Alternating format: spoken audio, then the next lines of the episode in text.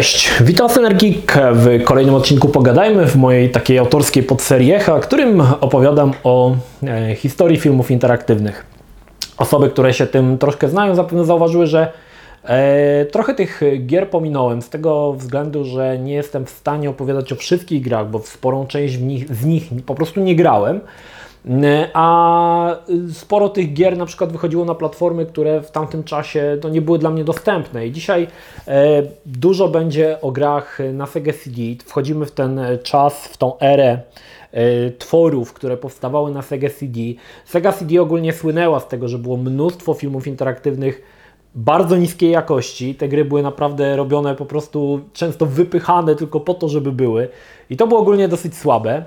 E, natomiast e, no, później niedługo nadejdzie era PC-owych e, gier na płytach. I stety lub niestety wiele tych gier z Sega CD będzie portowanych na PC-ta. Niestety nie mogę powiedzieć, że tych najlepszych, bo bardzo dużo kwasów zostanie wydanych na PC-ta i właściwie rynek zostanie zalany tymi wszystkimi grami z gatunku filmu, film interaktywny z tego względu, że to będzie bardzo popularne, e, wiele graczy na to czeka. A wiecie, zebrać jakichś podrzędnych aktorzynów i nagrać godzinkę filmu i zrobić z tego grę nie stanowiło, wydaje mi się, wtedy e, zbyt dużego problemu. Dlatego bardzo dużo tych produkcji wychodziło i one były bardzo niskiej jakości. Aczkolwiek będą zdarzały się pewne niewielkie wyjątki, ale e, no, powiedzmy sobie szczerze, będą to raczej gry, które będą należały do rzadkości. E, mamy rok 92. Pierwszych, e, pierwszą rzeczą, którą chcę Wam powiedzieć, to kolejny interaktywny film. Film interaktywny, który oglądał się w kinach. Tak jak mówiłem w pierwszym odcinku, był taki pierwszy film czarno-biały, gdzie mm, widzowie wybierali pomiędzy dwoma różnymi odpowiedziami i w 92 roku wychodzi I'm Your Man i był to film, który również był wyświetlany w kinach. To była w ogóle ciekawa rzecz, bo film był nakręcony w przeciągu pięciu dni, e, bardzo często bez powtórek, więc jakość tego filmu ogólnie pod kątem aktorstwa nie była zbyt dobra. Natomiast faktycznie było to wyświetlane w kinach. E, widzowie mieli do dyspozycji e, trzy czasami nawet e, możliwości wyboru, na przykład o co dany o co bohater ma się zapytać. I było to o tyle ciekawe, że bardzo sprytnie zorganizowano sposób wyboru. We wcześniejszych grach, we wcześniejszych filmach interaktywnych, jeżeli były dwie odnogi, prawo lub lewo, czy też ścieżki wyboru, w momencie kiedy wybieraliśmy jakąś ścieżkę, następowało cięcie bardzo często na tej samej scenie, także postać, która na przykład była tu, nagle pojawiła się tu, nie? I to było, starano się zachować tą płynność, ale to nie działało. W Iron Man zrobiono to po prostu sprytniej. W momencie, kiedy dokonywaliśmy jakiegoś wyboru, następowało cięcie, więc kolejna scena zaczynała się od cięcia. Powodowało to, że e, bardzo płynne przejście było między, e, między sekwencjami i nie miało się wrażenia, że gdzieś tam mamy jakiś przeskok, tak? Natomiast no tutaj tutaj w tych grach do tej pory, no to tak było, no wiadomo, no często Często twórcy gier wideo nie mają zbyt wiele wspólnego z mm, filmografią, więc no, robią to tak jak się da. No i niestety to tak grało taksę. Tak? Jedni powiedzą, że spoko, inni, że nie. Ja uważam, że e, zawsze lepiej zrobić to cięcie w momencie, kiedy jest wybór. Natomiast no, I'm Your Man było wyświetlane w kinach. Nie był to film, który mm, prawdopodobnie gdzieś jesteście w stanie jeszcze dzisiaj obejrzeć. E, warto dodać, że tego typu produkcje bardzo dobrze się sprawdzały na DVD I'm Your Man chyba w 96 roku, ile dobrze pamiętam, czy w 98 został wydany na DVD. No i tam to się sprawdzało, bo można było grać w tą grę bezpośrednio przy użyciu oczywiście pilota. Czy to miało wiele wspólnego z grą? No nie, bardziej był to film interaktywny, nie było tego elementu, który mamy w grach. E, no ale w jakiś sposób można powiedzieć, no można powiedzieć, że dzisiaj a propos, aktualnie rok temu chyba podniecaliśmy się Black Mirror Bandersnatch, że to w ogóle pierwszy film interaktywny, panie, jakie w ogóle. No a jak się okazuje, w 1992 roku już takie filmy były. E, kilka lat później wyszły na DVD, tylko mało kto o tym pamięta. Szczerze mówiąc, ja Nie, pamięta, kiedyś, kiedyś gdzieś czytałem o tym filmie, ale gdzieś mi to u, u, uleciało i teraz, gdy przygotowywałem się do tego filmu, gdzieś tam mi się to przypomniało. Mówię, kurde, no przecież tak, przecież był taki film. Gdzieś o tym czytałem po prostu. No i w 92 roku wychodzi druga część Mad Dog 2 The Lost Gold i tutaj e, twórcy z American Laser Games to już był ten moment, kiedy zauważyli, że gry, celowniczki są popularne, chwytają. To jest to, czego gracze chcą i takie gry będziemy robić. Mad Dog 2 pod kątem pierwszej części to była po prostu poprzeczka podstawiona gdzieś tutaj. E, na pudełku twórcy się e, chwalili, że ostatnia strzelanina jest najdłuższą strzelaniną filmowaną w filmach interaktywnych. Co oczywiście nie było zbyt dużym um, wydarzeniem, bo tych filmów interaktywnych wbrew pozorom nie było za dużo, a strzelanin było jeszcze mniej. Więc to było takie pitu-pitu, w ogóle gadanie, gadanie od rzeczy w mojej opinii troszkę. Natomiast Mad Dog 2 oferował ponownie coś, czego Mad Dog 1, znaczy może inaczej. Mad Dog 1 oferował coś takiego, niewielkie poczucie interaktywności. Na samym początku mieliśmy cztery miejscówki, do których mogliśmy się udać. W dowolnym tutaj, w dowolnym momencie mogliśmy wybrać sobie każdą, każdą z nich. Znaczy nie w dowolnym, tylko mogliśmy je wykonać w, dowolnej kolejności. Mad Dog 2 oferował troszkę coś innego. Oferował trzy różne ścieżki prowadzące do celu. To nie było tak, że te ścieżki były całe od początku do końca. Mad Dog miał troszkę konstrukcję, początek gry, trzy wybory, mieliśmy trzy postacie, Buckskin Bunny, The Professor i E, Beaver, chyba taki Indianin, i w zależności od tego, którą postać wykonaliśmy, wybraliśmy, mieliśmy troszkę, znaczy zupełnie inne drogi, które i tak się w którymś momencie zazębiały i prowadziły do tego samego finału. Aczkolwiek widać było, że e, American Laser Games e, doskonale rozumiał filmy interaktywne i potrzeby, które trzeba graczom zaspokajać. Między innymi właśnie brak interaktywności i w zasadzie te gry są tylko na raz. I w Mad Dogu zastosowano ponownie bardzo sprytną rzecz, którą e, próbowano wcześniej zrobić w e, Who Shot Johnny Rock, gdzie, tak jak mówiłem, kilka scen nagrano e, w kilku wariantach. Tutaj wydaje mi się, że poszli o krok dalej, chociaż nie różniło się to od tego, od nagrywania scen, um, od nagrywania scen w kilku wariantach. W kilku miejscach w Mad Dogu mieliśmy E, sceny, które działy się na przykład na świeżym powietrzu i działy się przy statycznej kamerze, czyli kamera sobie stała, mieliśmy jakieś ładne skałki, mieliśmy chmurki i z za skałek wyskakiwali bandyci. Udało się to zrobić w taki sposób, że ci bandyci w momencie, kiedy ktoś go zastrzeliliśmy, on nie, jego zwłoki nie padały nam przed oczami, tylko chowały się za tą skałkę. Więc to był taki krótki lupik animacji. Skałki Przeciwnik wyskakuje za skałek i chowa się za skałkę i wszystko wraca do punktu wyjściowego. Powodowało to, że mogło, można było pociąć te sceny wyskakującymi bandytami i wrzacić je w dowolnej kolejności. I to faktycznie się sprawdzało. Problemem jednak było to, że jeżeli kręciło się coś na świeżym powietrzu i były chmurki, no to chmurki się nie zatrzymały na czas ujęć, tylko cały czas sobie płynęły, więc często było tak, że e, widzieliśmy, że w trakcie gry nagle chmurki się cofają na jakiś fragment, bo załadowało się przeciwnika, który wcześniej nagrywał swoją sekwencję.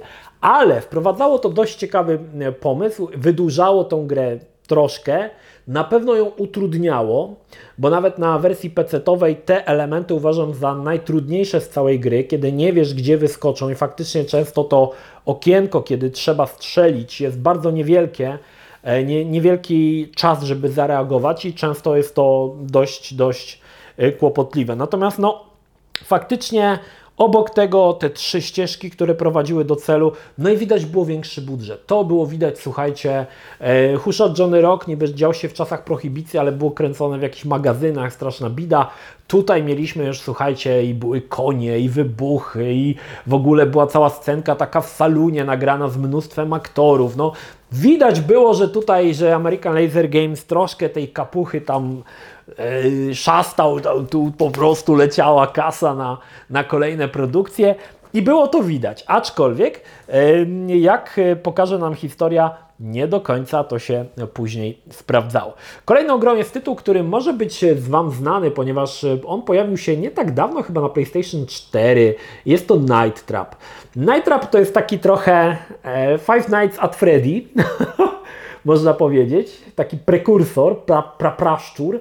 Mieliśmy 8 lokacji, które obserwowaliśmy z ukrytych kamer. My byliśmy jako osoba, która siedzi za komputerem, ma dostęp do 8 kamer z 8 różnych miejsc, no i sobie odpalamy tą daną kamerę i patrzymy, co tam się dzieje. Naszym celem było złapanie e, morderców, którzy tam próbowali zabić takie dziewczęta, które tam się gdzieś e, bawiły. To troszkę było w takim stylu, w takich slasherów z lat 80.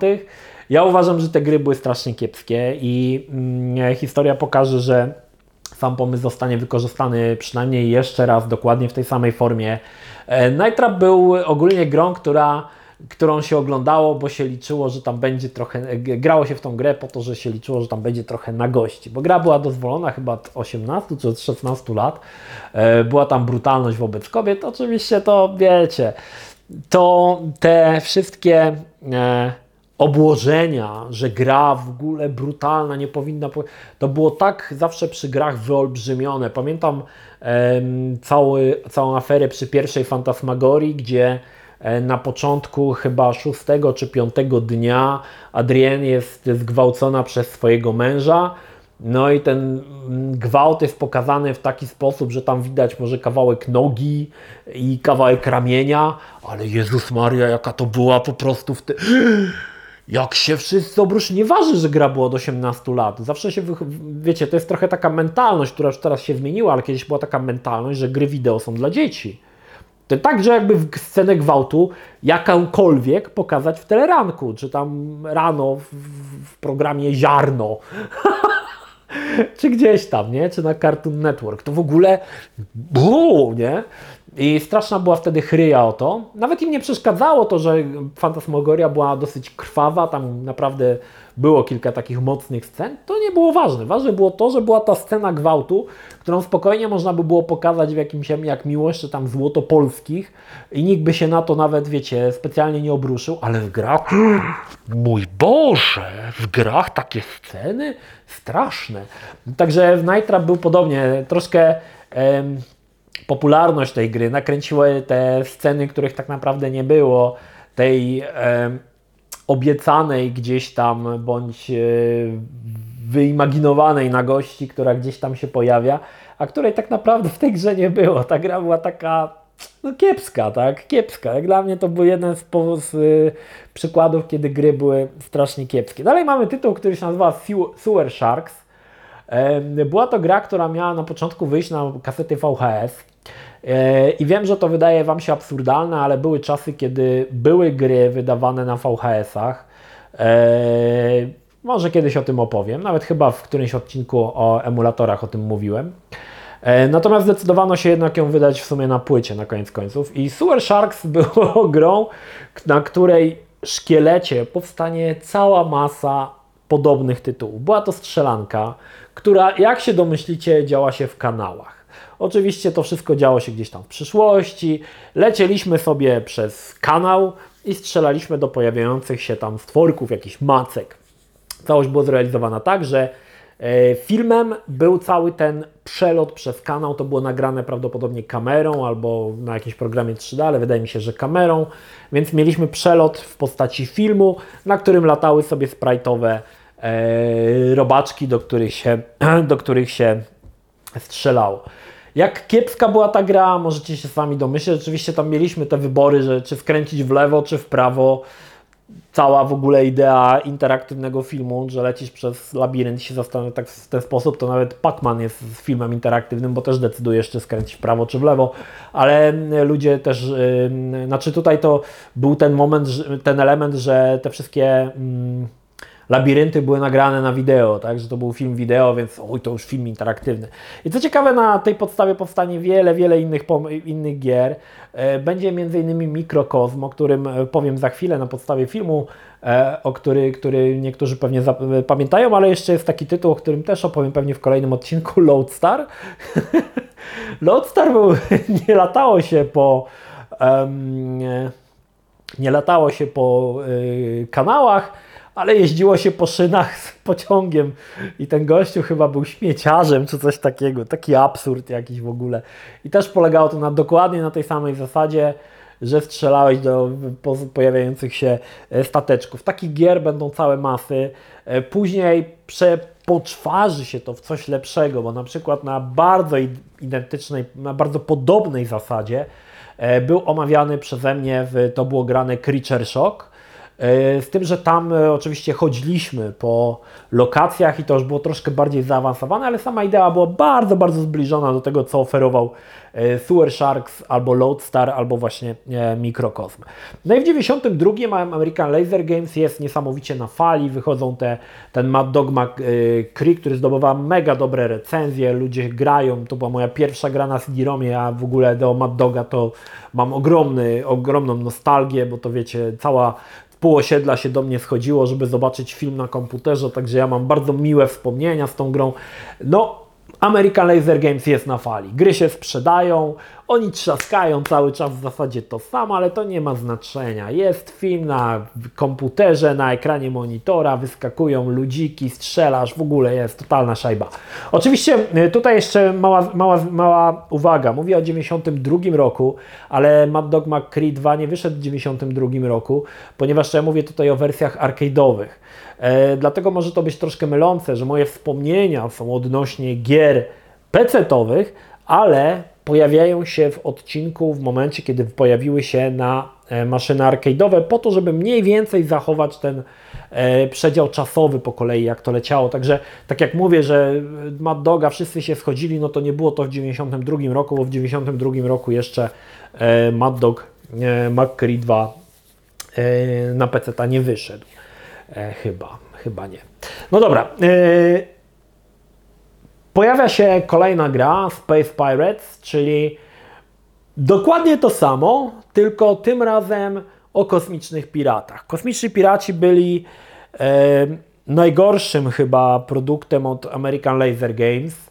E, co ciekawe, większość tych gier brali tych samych aktorów. Ten charakterystyczny dziad z pierwszego Mad Doga pojawiał się i w dwójce Mad Doga i właśnie pojawił się w Space Pirates. Tutaj mieliśmy do, przed nami stała stało zadanie zebrania pięciu kryształów, aby pokonać złego tam pirata, nie wiem jak on tam nawet się nazywał, nawet nie chcę wiedzieć. E, tak jak mówiłem, ta druga część Mad Doga widać było spory budżet, tutaj nie było, ponieważ wszystko nakręcono w jakiejś opuszczonej, nie wiem, elektrowni gdzieś, po prostu e, kosmiczny kosmiczne lokacje zrobiono w taki sposób, że schodzimy do suszarni w bloku, wieszamy na y, rurach jakieś szmaty i pyk, już mamy kosmiczną scenografię. I tak niestety wyglądały y, kosmiczni piraci. Nie pomogło to, że twórcy z umiłowaniem w grze bardzo często korzystali z dymu. W tamtym czasie dym był bardzo trudny do kompresji na filmach wideo. Powodował, że pojawiały się ogromne piksele, wszystko było nieczytelne, rozmazywało się. I o ile na maszynach arcade, czy tam nawet na laserdyskach było to jeszcze do przełknięcia, o tyle na PC, gdzie rozdzielczość tej gry była 320 na 240, no to w zasadzie nie było widać nic. I Space Pirates jest grą, którą w sumie grasz na ślepo na PC, bo w zasadzie nie wiesz, co tam się dzieje. Coś tam rozbłyska, coś, ale głównie widzisz dym. Całe kłęby masy dymu, które przeszkadzają w odbiorze tej gry E, no ale też po części maskują te fantastyczne lokacje ze szmatami wiszącymi u sufitu i to jest w ogóle mega super. Natomiast e, widać było, że coś niedobrego dzieje się w American Laser, Laser Games i co ciekawe, to jest już schyłek e, w momencie, kiedy wyjdzie na PC. Space Pirates jest schyłkiem ery American Laser Games. Oni podźwigną się jeszcze raz i stworzą znaczy może inaczej, jeszcze powstaną trzy gry, e, bardzo dobre, ale Space Pirates pokazuje, że coś tu jest nie tak, coś, coś, jest, coś jest nie tak, coś się dzieje złego. Ale nie uprzedzajmy faktów. No i na tym zamkniemy 92 rok. W 93 roku, roku podobnie, ponownie wracamy do y, American Laser Games i wypuszczają kolejną grę, która która miała zmyć tą niezbyt udaną grę Space Pirates i wychodzi pierwszy Crime Patrol. Crime Patrol był widać najbardziej wysokobudżetową produkcją. E, w, tym, w tej grze wcielaliśmy się w oficera policji. Zaczynaliśmy jako zwykły krawężnik, jeździliśmy do jakichś tam e, napadów na sklepy, a kończyliśmy jako e, w, w takiej jednostce Delta, już takiej on tak, gdzie odbijaliśmy na przykład zakładników, jakieś tam cuda. Także to było tutaj było fajnie zrobione, bo pieliśmy się po, tej, po tych szczeblach kariery, no i oczywiście każdy szczebel kariery wiązał się z jakąś tam scenką. I to było ogólnie bardzo dobrze zrealizowane, bo Crime Patrol oferował naprawdę e, widowiskowe sekwencje. Tam już były wybuchy, samochody się przewracały, eksplozje, czasami pojawiały się jakieś superfury. No tam już dużo się działo. Dużo się działo i widać było, że Crime Patrol idzie w dobrą stronę po e, Space Pirates, natomiast e, w Crime Patrol zabrakło, zabrakło tej interaktywności. Wcześniej mieliśmy tam, wiecie, a to w Mad Dogu trzy różne drogi, e, a to w e, Space Pirates zbieranie tych kryształów, co też powodowało, że mieliśmy pewną, pewien stopień interaktywności i możliwość wyboru. Crime Patrol tego nie miał. Crime Patrol był jakby grą od punktu A do punktu B. Co prawda miałeś możliwość wybrania, którą aktualnie scenę chcesz rozegrać, ale to raczej przypominało pierwszego Mad Doga, gdzie mogliśmy wybrać, że którą sekwencję chcemy rozegrać yy, najpierw, więc tutaj było dokładnie to samo. Widać było, że yy, pomimo, że gra pod kątem widowiskowości zrobiła kilka kroków w przód, no to pod kątem interaktywności kilka kroków w tył. Aczkolwiek Crime Patrol został bardzo dobrze przyjęty. Ja wspominam sobie bardzo miło Crime Patrol. Naprawdę była mega gra. To jeszcze nie jest... Yy, największe dokonanie American Laser Games, bo o tym opowiem za chwilę, ale widać było, że e, jeszcze, większa jeszcze większy hajs na to poszedł e, i widać było, że no, te gry może nie wprowadzają nic nowego, ale wyglądają i gra się w to lepiej. Tak mogę to powiedzieć. I Crime Patrol był takim tytułem, który naprawdę wyglądał dobrze. Kolejną grą był Double Switch i Double Switch był dokładnie tym, czym był Night Trap. Pewnie nigdy nie słyszeliście o Double Switch. E, w Double Switch działo się w apartamencie, gdzie mieliśmy 8 kamer, brzmi znajomo. E, apartament był, znaczy ten budynek, apartament był wykonany w takim stylu e, egipskim, czy coś takiego, bo to było jakieś mieszkanie archeologa i polegało to dokładnie na tym samym co Night Trap. Oczywiście te gry wychodziły na Sega CD i widać było, że twórcy idą po najmniejszej linii oporu. Jeżeli coś się przyjęło, to weźmy szkielet tej samej gry, nie zmieniajmy za wiele i zróbmy kolejną grę i trzepmy te gry do momentu, aż się sprzedają, sprzedadzą. O ile Night Trap, no mówię, sprzedał się dlatego, że były tam jakieś ładne dziewuszki, o tyle e, Double Switch, o Double Switch prawdopodobnie nie słyszał z Was nikt. No i pojawia się kolejna gra, która pojawiła się w, u mnie w serii To było grane, czyli Dracula Unleashed. No i to była też gra, która też mi ciężko nazwać ją filmem interaktywnym. Było tutaj parę ciekawych rzeczy. Między innymi to, że w grze był płynący czas, co niestety powodowało to, że jeżeli ominęliśmy jakąś sekwencję, którą musieliśmy odbyć w danym czasie, no to gry się nie udawało kończyć. E, natomiast e, Dracula Unleashed był skonstruowaną tak grą, że można było ją bez problemu wydać na przykład na DVD i gracze mogli grać za pomocą pilota do DVD, bo ta gra, pomimo że były w niej przedmioty, no trochę działała, taki, była taka bardzo, bardzo prymitywna. Dracula Unleashed było tyle ciekawą produkcją, że opowiadał dalszą historię Drakuli po e, książce Brama Stokera. E, całość przenosiła się do Anglii. E, mieliśmy bohaterów, którzy powracali z e, klasycznej Drakuli. No i ogólnie historia była całkiem niezła, aczkolwiek wszystko było takie wiktoriańskie, wiadomo. Aczkolwiek było tutaj parę, wydaje mi się, słabych rzeczy, mianowicie to, że filmiki w grze były wyświetlane na maluteńkim ekraniku. Co prawda bardzo dobrym pomysłem było to, że film można było zapauzować, przewinąć, puścić. To było naprawdę spoko, bo jeżeli gdzieś chcieliśmy wyjść, nie chcieliśmy tracić sekwencji, można było sobie w każdej chwili zapauzować. Natomiast z racji tego, że y, gra była taka bardzo prymitywnie skonstruowana, problemem było to, że kiedy chcieliśmy użyć jakiegoś przedmiotu, w większości gier, jeżeli chcemy na przykład wysłać paczkę na poczcie w grze, taka prosta sekwencja.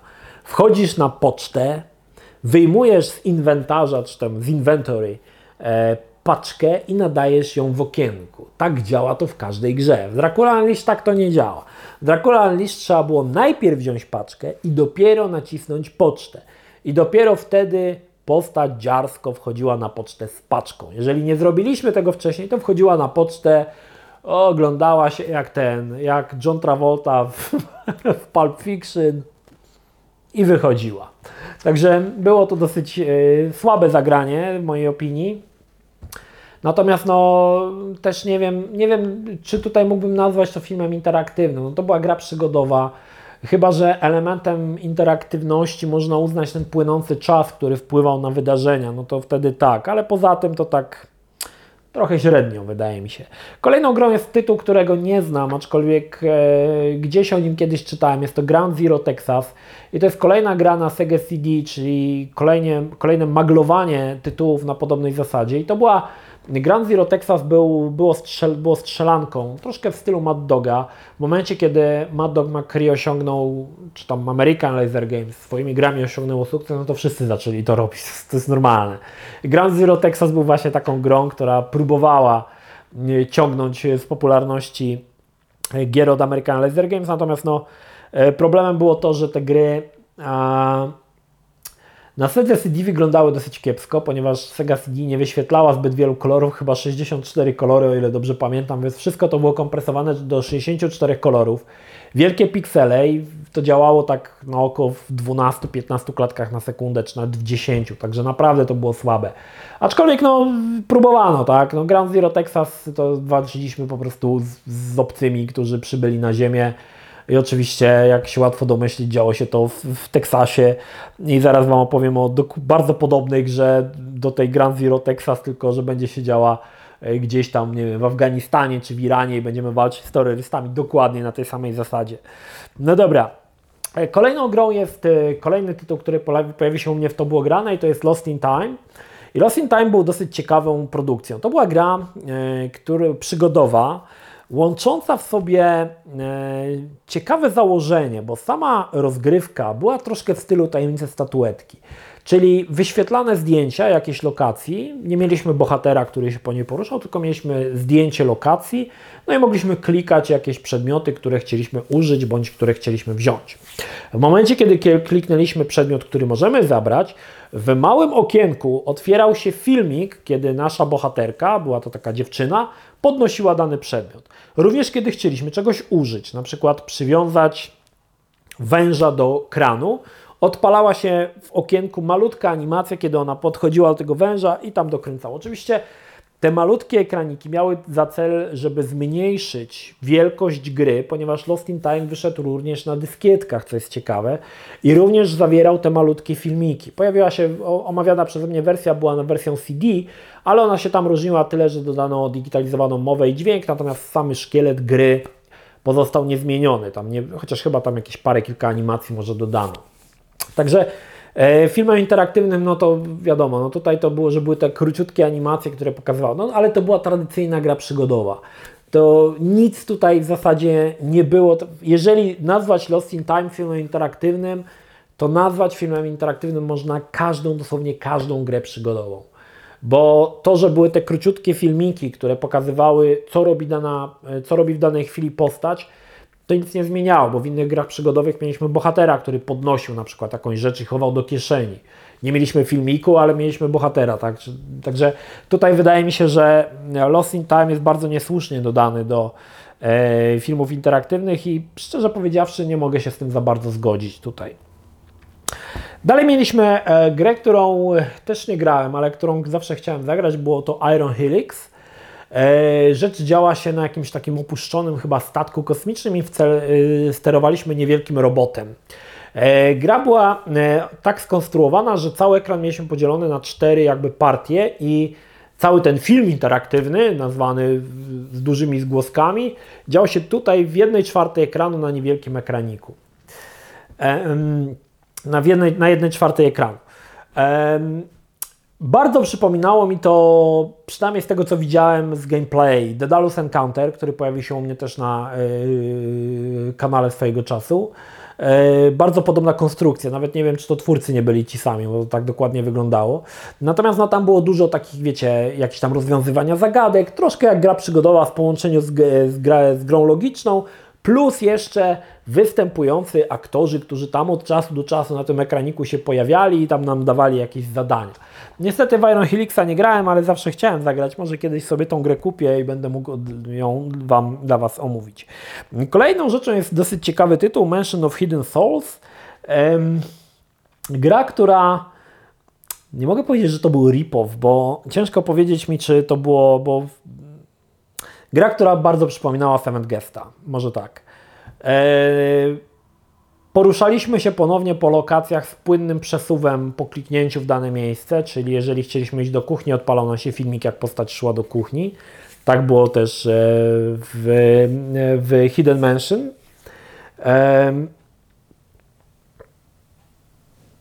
Mansion of Hidden Souls, Boże, nie w Hidden Mansion. Zawiesiłem się. Różnicą było to, że Seven Guest zainwestował, twórcy Trilobite y, przy Seven Guest zainwestowali w aktorów, którzy odgrywali swoje role. Tutaj chyba zabrakło i zamiast y, postaci mieliśmy gadające głowy duchów, które były zrobione na 3D. No było to po prostu koszmarne. Koszmarnie to wyglądało, żenująco i po prostu sobie zadawałeś pytanie what the fuck. Ale widać było, że nie wiem, kto z kogo zżynał, natomiast sam pomysł e, poruszania się swobodnie po jakiejś lokacji, e, czy też e, CD-ROM daje tą możliwość, żeby upchać te animacje, kiedy poruszamy się swobodnie po lokacji, nie jak w Dumie, tylko po wytyczonych ścieżkach.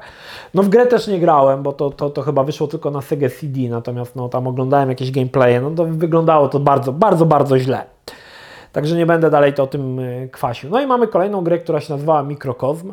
I ona była na podstawie e, filmu, na podstawie, znaczy nie wiem czy na podstawie filmu, szczerze mówiąc. Taki był film Mikrokosmos, ale sam sens był dokładnie taki sam. E, były dwa chyba filmy Mikrokosmos, tak? bo jedno to było taki o zwierzaczkach, to była jedna z pierwszych wyda jedna, to była pierwsza wydana płyta DVD w Polsce z gazetą. Na niej był właśnie film Mikrokosmos.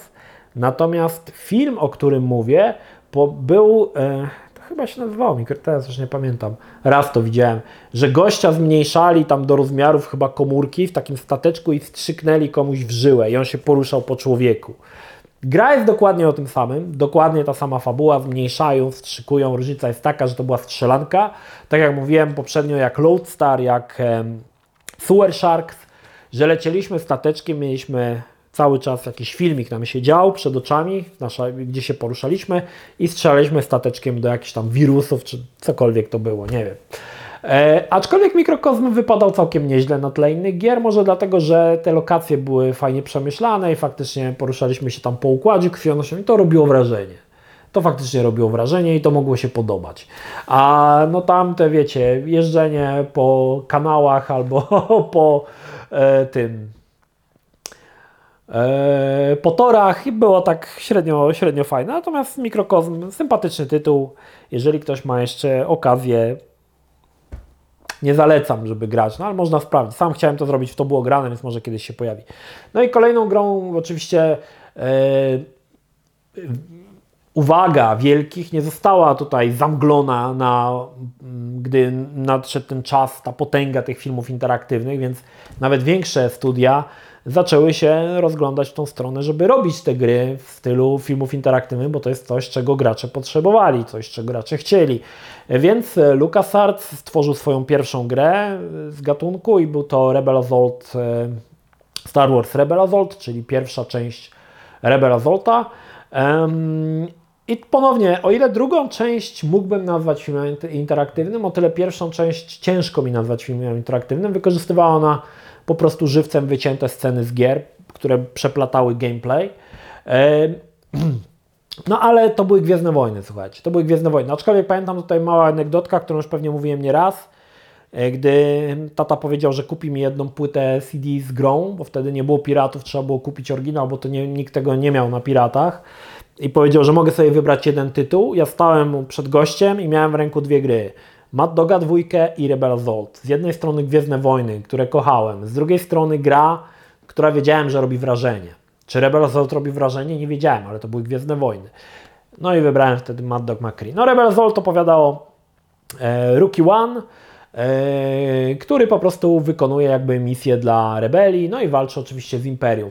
E, gry były, gra była podzielona na takie mini levele, dosyć trudne muszę przyznać, bo co ciekawe Rebel Assault miał jedną bardzo przykrą przypadłość, nie odpalał się bez joysticka, więc jeżeli nie miałeś joysticka, nie mogłeś gry odpalić. A na PC joystick mało kto miał, albo pada, większość korzystała z klawiatury, a na klawiaturze się nie dało. Natomiast gra ym, miała tak, były takie, wiecie, bardzo podobne rzeczy, które pojawiły się w Microcosm i Sewer Sharks, czyli lecimy sokołem Millennium przez na przykład lokację albo jakimś tam e, Skyhooperem, e, która przed nami się jest wyświetlany filmik, jak lecimy wąwozem, a my po prostu lecimy stateczkiem zbudowanym ze sprite'ów. Dokładnie ta sama idea, co w jeżdżeniu po kanałach i w jeżdżeniu po, w jeżdżeniu po torach e, w Loadstarze. Dokładnie ta sama idea. Oczywiście doszło tam parę ciekawszych rozwiązań, bo gra miała też elementy celowniczka, Także dużo tych jakby takich podgatunków tych filmów interaktywnych nam się pojawiło, aczkolwiek no pierwszy Rebel Assault był mi się ogólnie za bardzo nie podobał, może tak. Wolę tą drugą część o wiele bardziej, bo ta druga część to była dla mnie jedna z ulubionych gier z Gwiezdnych Wojen. Bo ta pierwsza część to troszkę takie było odcinanie kuponów. Miałem wrażenie, że ona powstała na szybko, a żeby właśnie wbić się w ten trend tych filmów interaktywnych i zrobić grę na podstawie tego, co aktualnie jest modne. Dopiero przy drugiej części o wiele bardziej zostało to pomyślane i o wiele lepiej to wyszło. No i dalej mamy grę, która się nazywa Surgical Strike. I Surgical Strike jest dokładnie tym, co, czym było Ground Zero Texas, tylko że zamiast walczyć z obcymi, walczyliśmy w jakiś, nie wiem, czy to był Iran, Irak, cokolwiek. Byliśmy komandosem i walczyliśmy z terrorystami. I tutaj jest właśnie y, przykład, y, ten Surgical Strike jest doskonałym przykładem tego, dlaczego na CZSD kiepsko sprawdzały się e, celowniczki z, gatunku film interaktywny, tak to nazwijmy. Surgical Strike postanowiono zastosować ruchomą kamerę, czyli po prostu kamerzysta biegł przez jakieś tam chychy i wyskakiwali jacyś przeciwnicy, trzeba było strzelać. Problem był taki, że no, to 64 kolory, kiepska grafika, duże piksele powodowały, że w momencie, kiedy był ruch kamery, do tego tam nie było zupełnie cokolwiek, nie było nic widać. No, była po prostu kolorowa papka. I to niestety był ten problem z tym tytułem, że podobnie jak y, Surgical Strike, że y, starano się za dobrze. Całe szczęście te gry nigdy nie wyszły na PC, to one gdzieś tam umarły na CDCD, nigdy nie zostały sportowane. no i ja się nie dziwię, bo one ogólnie dosyć kiepsko chyba to były kiepskie gry, no tyle Wam powiem. No.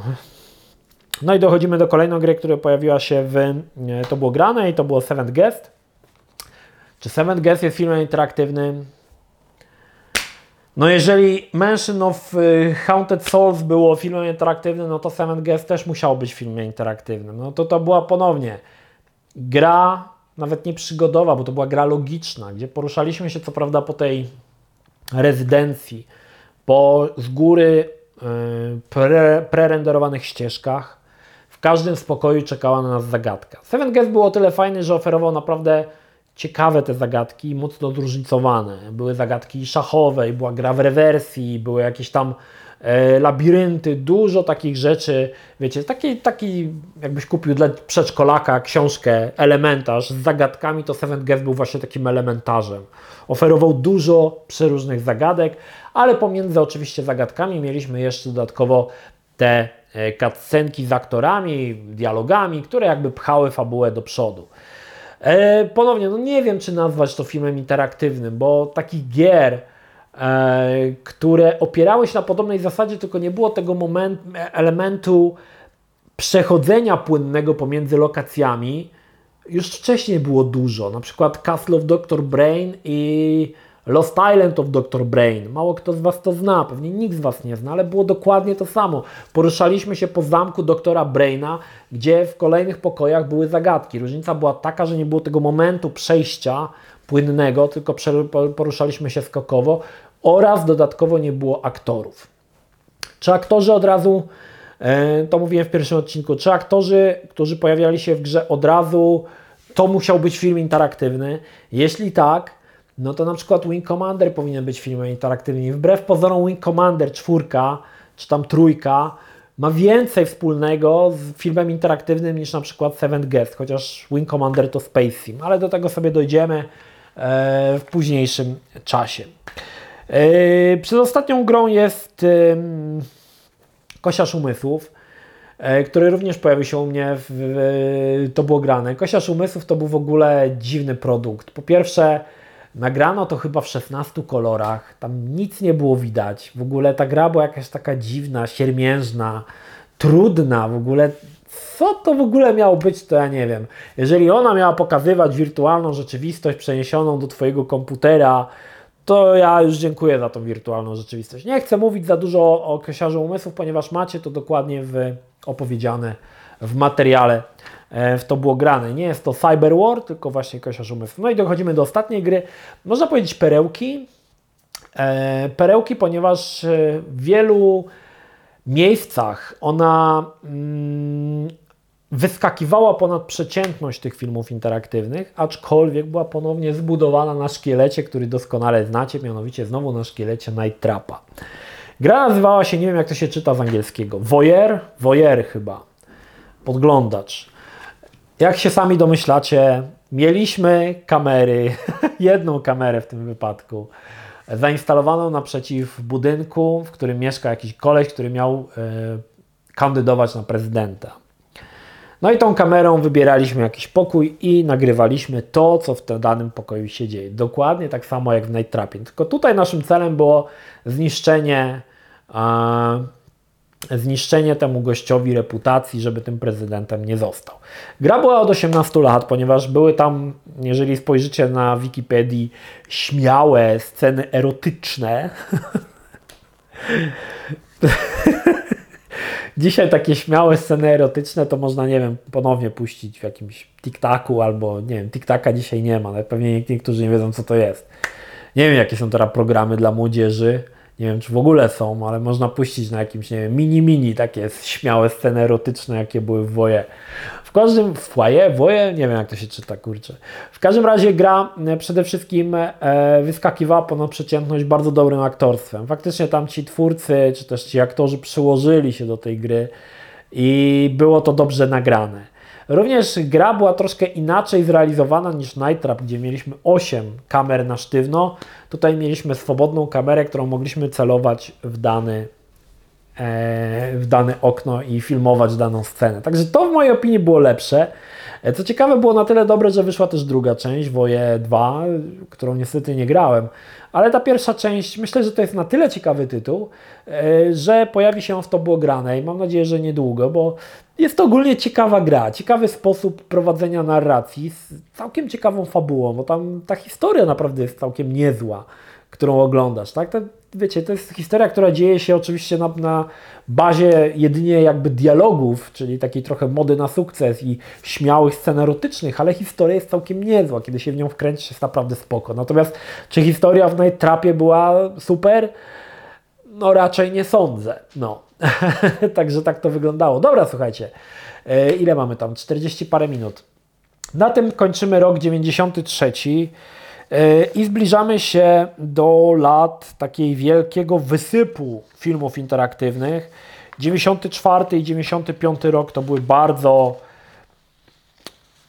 takie sute lata, jeśli chodzi o gry, o filmy interaktywne. Nie wiem, czy tych lat po prostu nie podzielę na dwa, bo tych gier jest dosyć dużo. E, oczywiście większość tych gier, lepszych gier, widzieliście u mnie w to było grane, także część z tych opowieści, które usłyszycie pewnie o tych filmach interaktywnych się powtarza w tym, co powiedziałem e, w to było grane, no ale to dlatego, że historia jest niezmienna, ona zawsze jest taka sama. No dobra, słuchajcie, to by było na tyle. E, jeżeli dotrwaliście ze mną w ten świąteczny wieczór, to dziękuję bardzo. No i zapraszam na kolejny odcinek, który Echa, filmy interaktywne, który pojawi się, mam nadzieję, niedługo. To tyle. Pozdrawiam Was, Energik. Trzymajcie się. Do następnego. Cześć.